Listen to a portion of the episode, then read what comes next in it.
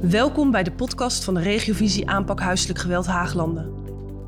Mijn naam is Roxane Kloosterman en ik ben regionaal projectleider Huiselijk Geweld. Deze podcast staat in het teken van bestuurlijke maatregelen bij huiselijk geweld. Klinkt misschien wat stoffig, maar dat is het zeker niet. Want wat als er in een gezin of huishouden huiselijk geweld speelt en het lukt niet om tot een doorbraak te komen? Misschien zijn de betrokkenen dan wel geholpen met een bestuurlijke maatregel.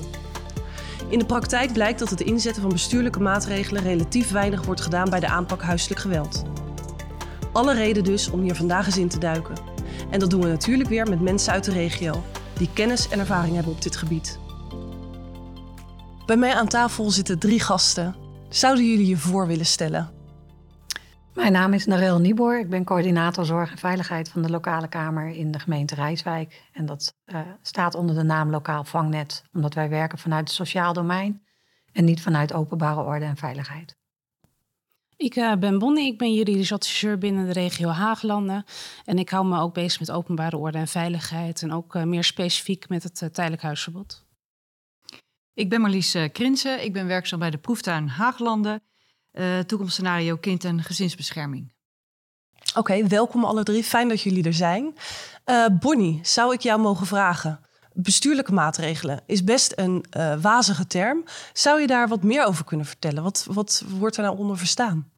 Uh, ja, als er sprake is van huiselijk geweld, uh, dan wordt er vaak gedacht aan een tijdelijk huisverbod. En dat is gebaseerd op het uh, wet tijdelijk huisverbod. Um, uh, dat wordt opgelegd als er sprake is van een onveilige situatie in huis. Uh, of te vrezen daarvoor. Uh, bijvoorbeeld is aangifte gedaan bij de politie en de officier van justitie of de hulpofficier van justitie. Die acht het opportun om dan een tijdelijk huisverbod op te leggen aan de persoon die ja, iemand heeft mishandeld, bijvoorbeeld in dat huis en die er ook woonachtig is. Mm -hmm. dus dat is één ja, grondslag waar je aan kan denken. Uh, waar je verder nog aan kan denken uh, is als er sprake is van veel geluidsoverlast door het huiselijk geweld. Dan zou je ook kunnen denken aan de wet woonoverlast. Daar kunnen ook instrumenten op worden ingezet, waaronder bijvoorbeeld een uh, last onder dwangsom. Um, als er ook sprake is van um, ja, overlast in de buitenruimte. Hè? Dus op het uh, plein voor het huis. Uh, dat er weet ik veel, met stenen wordt gegooid. Of veel ruzie wordt gemaakt. Of ruzie met de politie of met de buren of wat dan ook. Uh, dan kan je bijvoorbeeld ook denken aan een, aan een gebiedsverbod. Wat ingezet kan worden. Dus er zijn op zich wel diverse bestuurlijke maatregelen. Maar de hoofdmoot is wel het tijdelijk huisverbod. Wat ingezet wordt meestal. Ja, vooral als het over huiselijk geweld gaat, inderdaad. Ja, ja, ja. Oké. Okay. Um, en Marlies en Arel hebben allebei zitten hier aan tafel en hebben allebei uh, ervaring uh, op, dit, uh, op dit gebied. Um, Marlies, jij hebt um, een casus met het tijdelijk huisverbod. Kan je daar wat, wat over vertellen? Ja, toen we deze casus uh, binnenkregen, zeg maar, een van de eerste vanuit de proeftuin, uh, toen was er net een tijdelijk huisverbod opgelegd en een contactverbod. Naar aanleiding van een uh, geweldsincident. Oké, okay. en jullie kwamen daar net binnen. En um, uh, dus vanuit de proeftuin waren jullie net betrokken. En uh, hoe is dat toen verder gegaan? Want het was een gegeven dat het opgelegd was. Ja, het was een gegeven. En we zijn eigenlijk uh, ingesprongen op het moment dat, dat de eerste gesprekken ook plaats hadden binnen het team huisverbod. Dus er zit Veilig Thuis, zat daarbij. Uh, iemand van de gemeente die uh, dat huisverbod uh, begeleidde, maatschappelijk werker. Ehm, en wij dan als proeftuin en iemand van het KIT. Okay. En de twee ouders natuurlijk, waar het om ging. Ja. Kan je vertellen, hè? Want, want inmiddels is dat huisverbod denk ik afgelopen.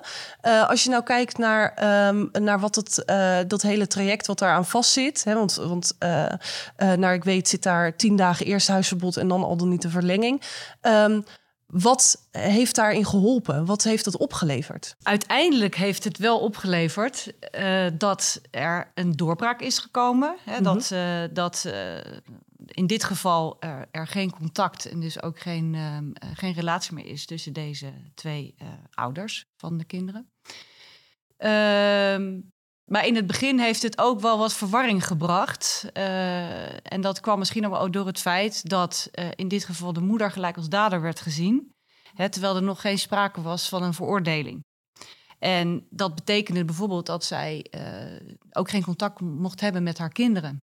En de eerste tien dagen. En dat was, dat was heel lastig, want de kinderen hadden hier eh, niet mee te maken.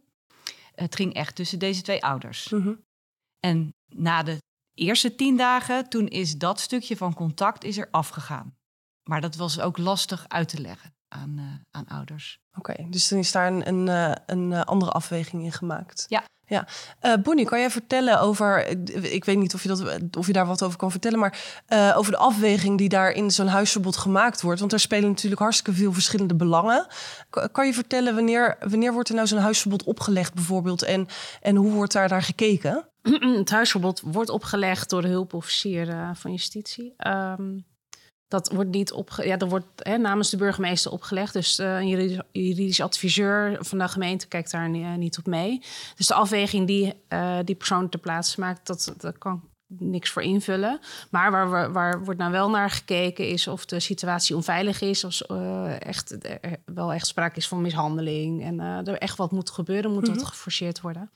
Ehm, en eh, de personen moeten uit elkaar gehaald worden. Hè? Die kunnen eigenlijk niet meer bij elkaar in een huis wonen op dat moment. En er kan ook geen contact zijn. Want ja, hè, je wil een bepaalde rustperiode inbouwen om eh, de situatie eh, ja, wat, wat, eh, wat ja, gelijk te trekken.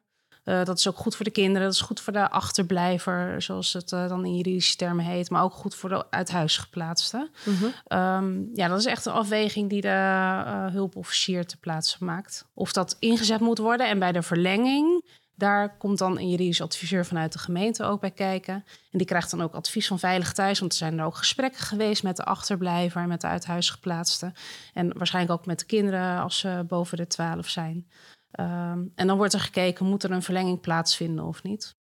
En Narel, jij hebt eh, een ervaring met eh, eigenlijk een heel andere eh, eh, bestuurlijke maatregel bij de doorbraak van huiselijk geweld. Ehm, zou je daar ook wat meer over willen vertellen? Ja, dat ging om inwoners van de gemeente die, nou ja, waarbij huiselijk geweld ook speelde. Eén bewoner woonde daar echt, de andere bewoner had een andere woonlocatie. Dus op het moment dat men bij elkaar over de vloer kwam, eh, ontstond er overlast. En dan overlast gerelateerd aan het huiselijk geweld. Eh, slaan met deuren, ruzies, harde muziek, eh, soms ook middelengebruik. Dus eigenlijk van alles aan de hand. Wat ook zijn weerslag had over andere bewoners daar eh, in de buurt en zelfs op straat, waar de last was. En op dat moment eh, heel veel hulpverlening ingeschakeld, eigenlijk alle partijen om tafel gezet. Maar we kwamen eigenlijk niet verder. Er was eigenlijk ook geen ingang. Het werd allemaal een beetje afgehouden. En op een gegeven moment contact gelegd met mijn collega van Openbare Orde en Veiligheid, de voorzitter van het woonoverlastoverleg, om eh, gezamenlijk te kijken of er een uh, stopwaarschuwingsgesprek kon plaatsvinden. Nou, dat is uiteindelijk ingezet, ook in samenspraak met andere partners die je daarbij nodig hebt. Dat uh, kan een woningbouwvereniging zijn, politie, want je hebt natuurlijk wel de onderbouwing nodig van wat er speelt. Um, dat gesprek heeft plaatsgevonden en naar aanleiding daarvan um, zijn de partijen eigenlijk weer uit elkaar gegaan. Opnieuw kwamen er weer meldingen binnen. Op dat moment is er weer een gesprek gekomen en is er een aanzegging geweest van de bestuurlijke maatregel. Dus daar is ook in uitgelegd dat nou ja, als er weer niet voldaan werd, dat er een uh, dwangsom opgelegd kon worden met een uh, gedragsaanwijzing. Nou, dat werd eigenlijk uh, goed ontvangen. En ehm, dat het stopgezet zou worden, dat men de overlast zou stoppen.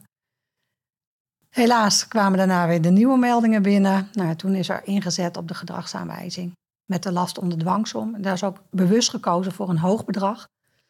En dat is omdat je als je een laag bedrag doet, dat mensen toch vaak uh, ja, het niet zo serieus nemen. En door dit bedrag zat er echt wel een stok achter de deur om niet verder uh, schulden te krijgen en echt wel de, de aandacht aan te geven en te hebben. Ja, best wel. Ja, ik zou het bijna zeggen baanbrekend. Want hoe vaak eh, heb je dit eerder meegemaakt dat op deze manier bestuurlijke maatregelen, of vraag ik eigenlijk aan, aan jullie alle drie, hebben jullie eerder ma- meegemaakt dat een bestuurlijke maatregel op deze manier ingezet wordt om tot een doorbraak te komen?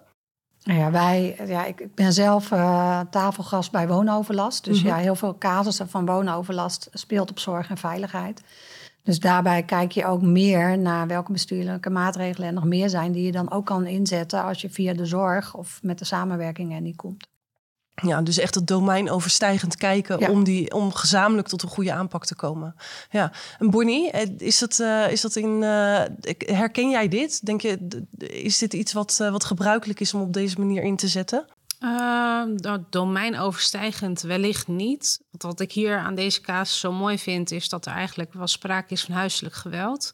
Maar omdat die persoon er niet woonachtig is, kan er waarschijnlijk ook geen tijdelijk huisverbod uh, worden opgelegd. Dus dat daarom is gekeken welke andere mogelijkheden zijn er. Uh, en toen uh, kwamen ze bij de wet woonoverlast, wat succesvol dus ook is ingezet. Dus dat ja. is, ja. het resultaat is er dan wel. En dat is wat ze denk ik ook allemaal willen. Ja, ja terwijl het doel eigenlijk anders is. Hè? Want het doel anders precies, is, dat, is, dat is juist zo mooi. Je hebt een ander doel, eigenlijk het woonoverlast uh, stoppen. Ja. Maar tegelijkertijd pak je dus het huiselijk geweld aan. Ja, ja. dus het is mooi als je uh, wat meer naar, naar meerdere mogelijkheden kijkt, naar meerdere wetten van wat kan er op deze specifieke casus wel tot een doorbraak leiden. Ja, ja.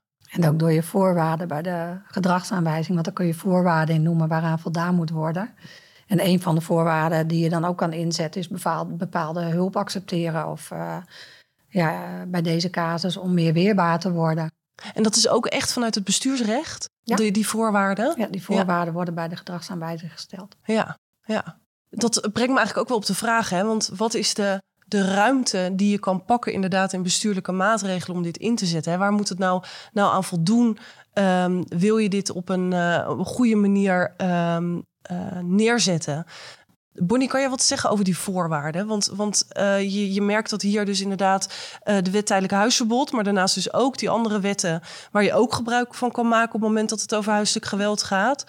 Kan je daar wat over vertellen? Uh, nou ja, bij de wet uh, aanpak woonoverlast er werk, wordt ook gewerkt met een escalatieladder. Uh, dus hè, wat collega net al zei, dan gaan er ook gesprekken worden opgestart met de woningbouw. En er worden stopgesprekken gehouden. En dan wordt eerst op een andere manier gekeken mm -hmm. of, of, of de overlast kan stoppen. Um, denk ook de registraties van belang zijn. Registraties vanuit de politie, dat uh, de overlast dat daadwerkelijk is, dat het ook objectief kan worden vastgesteld. Hè? Want heel vaak kunnen buren wel zeggen van we hebben overlast. Maar ja, als het niet is objectief is vastgesteld door de politie, dan uh, ja, kan het ook een mening zijn of er kan net een beetje ruzie zijn tussen de buren dat ze je net in een kwaad daglicht willen stellen. Mm -hmm. um, dus registraties van de politie zijn heel erg belangrijk. Die zijn ook belangrijk als je bijvoorbeeld wil overgaan tot het opleggen van een gebiedsverbod. Dan moet de politie wel uh, constateren van goh, hè, uh, de openbare orde is verstoord in die, uh, op die bepaalde locatie door de, hij heeft dit gedaan of zij heeft dat gedaan mm -hmm. of de politie is aangevallen of ja, ik noem maar even een paar zijpaden. Um, dus registraties, dossieropbouw is gewoon heel belangrijk. Belangrijk ja. En uh, bij een uh, tijdelijk huisverbod, dan is de start meestal wel de aangifte. Dus dan is het daar en dan wordt er gelijk doorgepakt met een huisverbod om dus situatie kalm te krijgen, hè, te mm -hmm. deescaleren. Ja. En vanaf daaruit wordt er dan verder gewerkt om te komen tot een goede oplossing. Precies. Samen met de hulpverlening. Ja. En meer als een breekijzer, hè, om, breekijzer, om, om ja. verder te komen dan ja, de eerste doorbraak. Ja. Ik denk ook dat je er vaak aan kan denken, wat je vaak hoort met casuïstiek op huiselijk geweld. Dat ook veel buren het horen, maar niet goed weten wat ze ermee moeten doen. En dat je daar dus ook aandacht aan kan besteden. Dat je op een andere manier uh, melding kan doen van de overlast. En dat je daardoor uh, ja, indirect toch wel invloed kan uitoefenen op het huiselijk geweld. Ja, ja. En nu luisteren er natuurlijk professionals naar deze podcast. En uh, de een zal daar meer ervaring met bestuurlijke maatregelen hebben dan de ander. Stel nou hè, dat, dat er zo'n professional nu aan het luisteren is en die heeft een casus onder de arm uh, en denkt: ik kom gewoon niet tot een doorbraak en misschien is zo'n bestuurlijke maatregel hier wel een oplossing in. Wat zouden jullie ze kunnen adviseren? Wat zouden jullie die mensen mee willen geven? Je netwerk en je samenwerking. Dus kijk wie je in je netwerk hebt of je samenwerkingspartners. Uh, ga het gesprek daarover aan. Je kan casussen altijd anoniem bespreken. Mm -hmm. Kijk om met elkaar mee te denken daarin. Nou ja, vanuit als je bij een gemeente werkt, kijk ook welke wetgeving er allemaal is in diverse domeinen. Dat je daarvan op de hoogte bent, zodat je ook weet of je dat op casuïstiek kan toepassen. Ja. Dus kijk ruimer dan je eigen werkveld. Ja, dus echt het domein overstijgend, hè, waar ja. we ook allemaal naartoe moeten bewegen in de aanpak van huiselijk geweld. Dat, uh, ja, ja, mooi. En Bonnie, heb je daar nog iets op aan te vullen? Uh, nou, inderdaad, dat domeinoverstijgend uh, samenwerken, dat juich ik heel erg toe. Je moet altijd wel goed kijken, wat mag ik wel delen en wat mag ik niet delen. En dat is gewoon puur vanuit juridisch, maar ook ter bescherming van jezelf.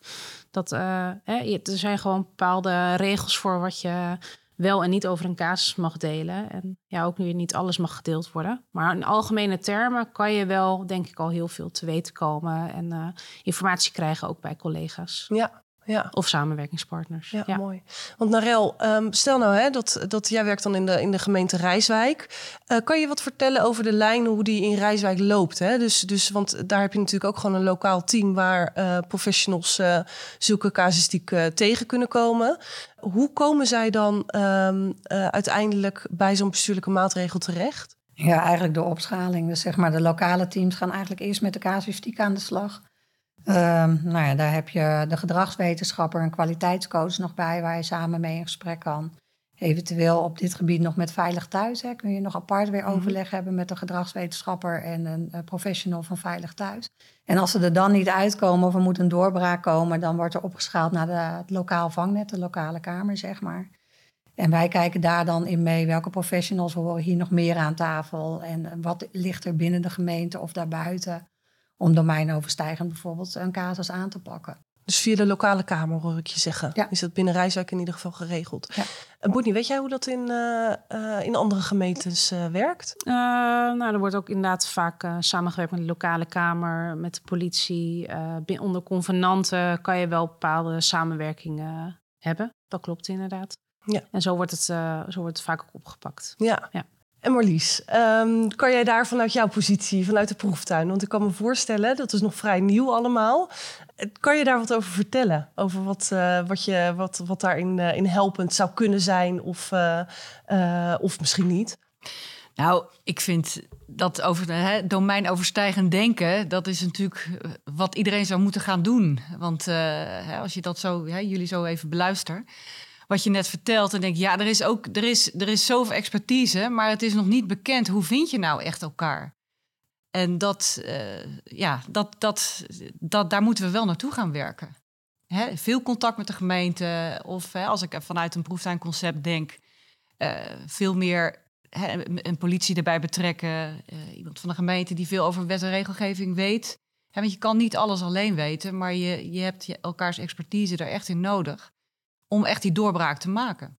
En te zorgen dat, hè, dat in dit geval het geweld stopt. Ja, en dat is natuurlijk een ontwikkeling waar we allemaal aan moeten. En waar jullie in de proeftuin natuurlijk al dik in zitten. Ja. En ook dat stukje bestuurlijke maatregelen daar natuurlijk uh, in uh, mee kunnen gaan nemen, denk ik dan zo. Nog even terug naar, uh, naar jullie casus. Hè?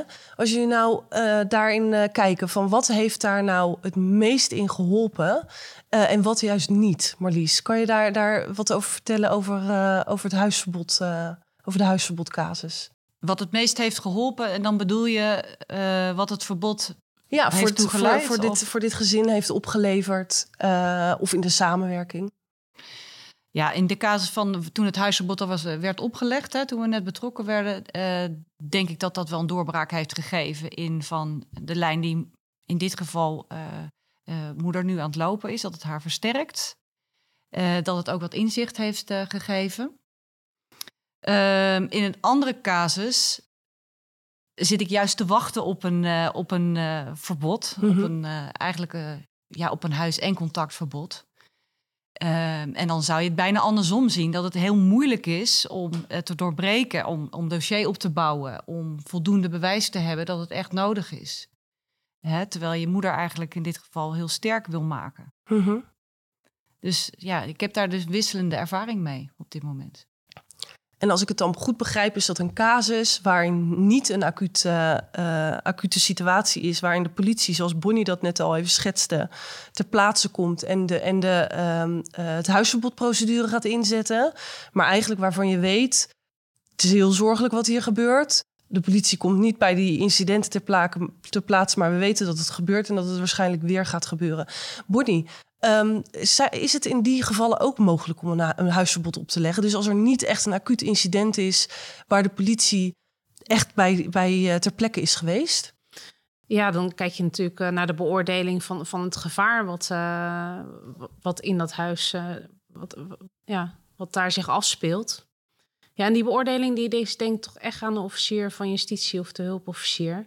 En uh, ik vind het heel lastig als je dan niet echt een specificatie hebt om nu te zeggen van ja, dat, dat zou ook kunnen als er geen acute situatie is. Mhm. Het hangt zo af van de omstandigheden van het geval. En dan ga ik nu ook heel erg in de beoordeling van uh, de officier van justitie zitten. En dat, uh, ja, Ja. dat, uh, Ja, precies. Dus dat kunnen we, gaan hier niet zitten MDO'en. Dat is eh, absoluut niet de bedoeling natuurlijk. Maar ehm, eh, in theorie, dus op het moment dat je als hulpverlener eh, denkt... Hey, hier speelt wel degelijk echt fors huiselijk geweld... en er is geen huisverbod opgelegd... maar ik ben bezorgd over een toekomstig incident... waarbij nou ja, gewonden kunnen gaan vallen... is het Ja. dus wel een optie, begrijp ik. Eh, nou ja, het wordt het vooralsnog opgelegd op het moment dat er wel iets is voorgevallen. Hè? Mhm. Ja, dus dan kan je ook constateren dat het een onveilige situatie Ja. is. Dus het, eh, natuurlijk is de inschatting van de hulpverlening eh, super belangrijk, ook bij de onderbouwing daarbij. Maar het is wel heel lastig om daar nu zo heel droog in mee te gaan om te zeggen, ja, Dat kan, ja. Het ja. kan, Ja, ja. het is heel casusafhankelijk. het is heel casusafhankelijk. Ja, Ja.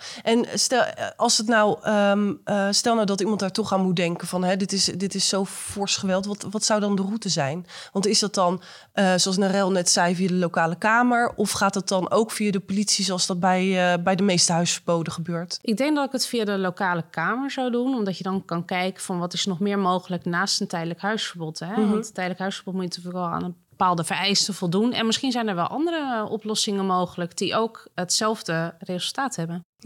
En ik kan me ook voorstellen dat de mate van, eh, van eh, zorg om de directe veiligheid daar ook een rol in speelt. Ja. Of je dan direct de politie belt of, of wellicht het via de lokale kamer doet, inderdaad. Ja. Ja. Krijgen jullie die vraag bij de lokale kamer wel eens? Van ik, eigenlijk vind ik dat hier een huisverbod nodig is. En kunnen we dat op de een of andere manier eh cheffen?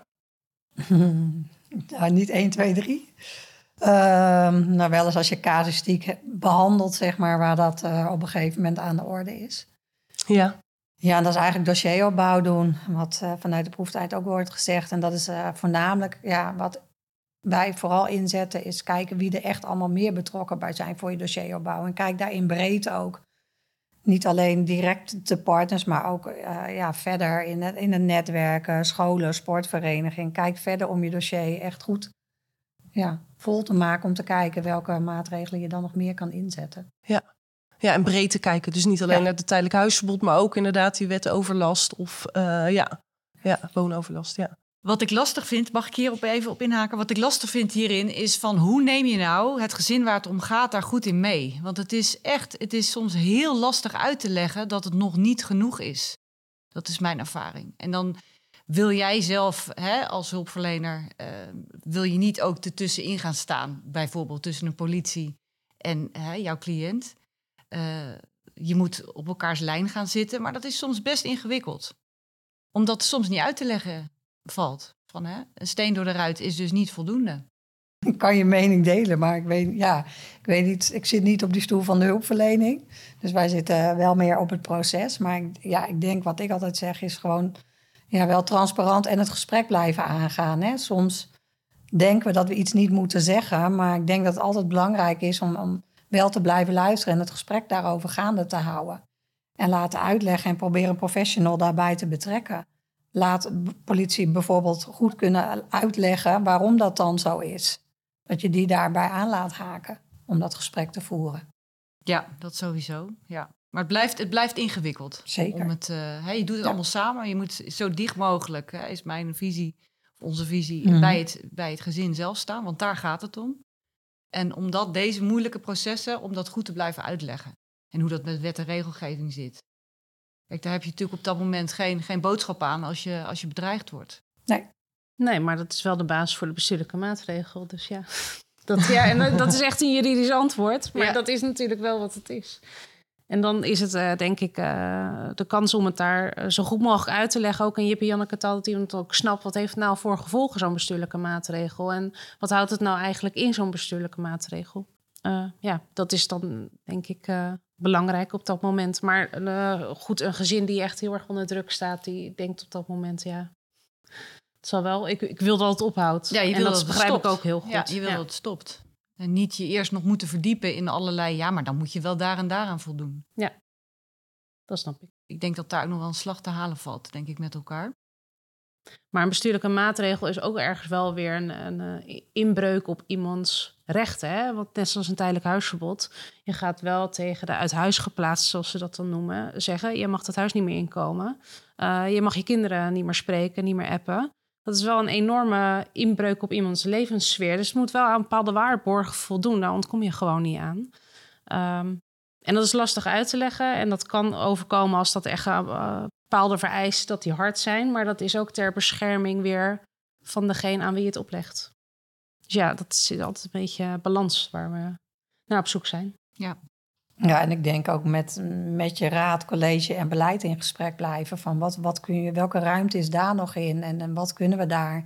En dan vanuit eigenlijk je casuïstiek, zeg maar, um, uh, te bespreken. Dus waar je tegenaan loopt en wat een klantenreis benoemen. En een aantal van die casussen op die manier met elkaar bespreken.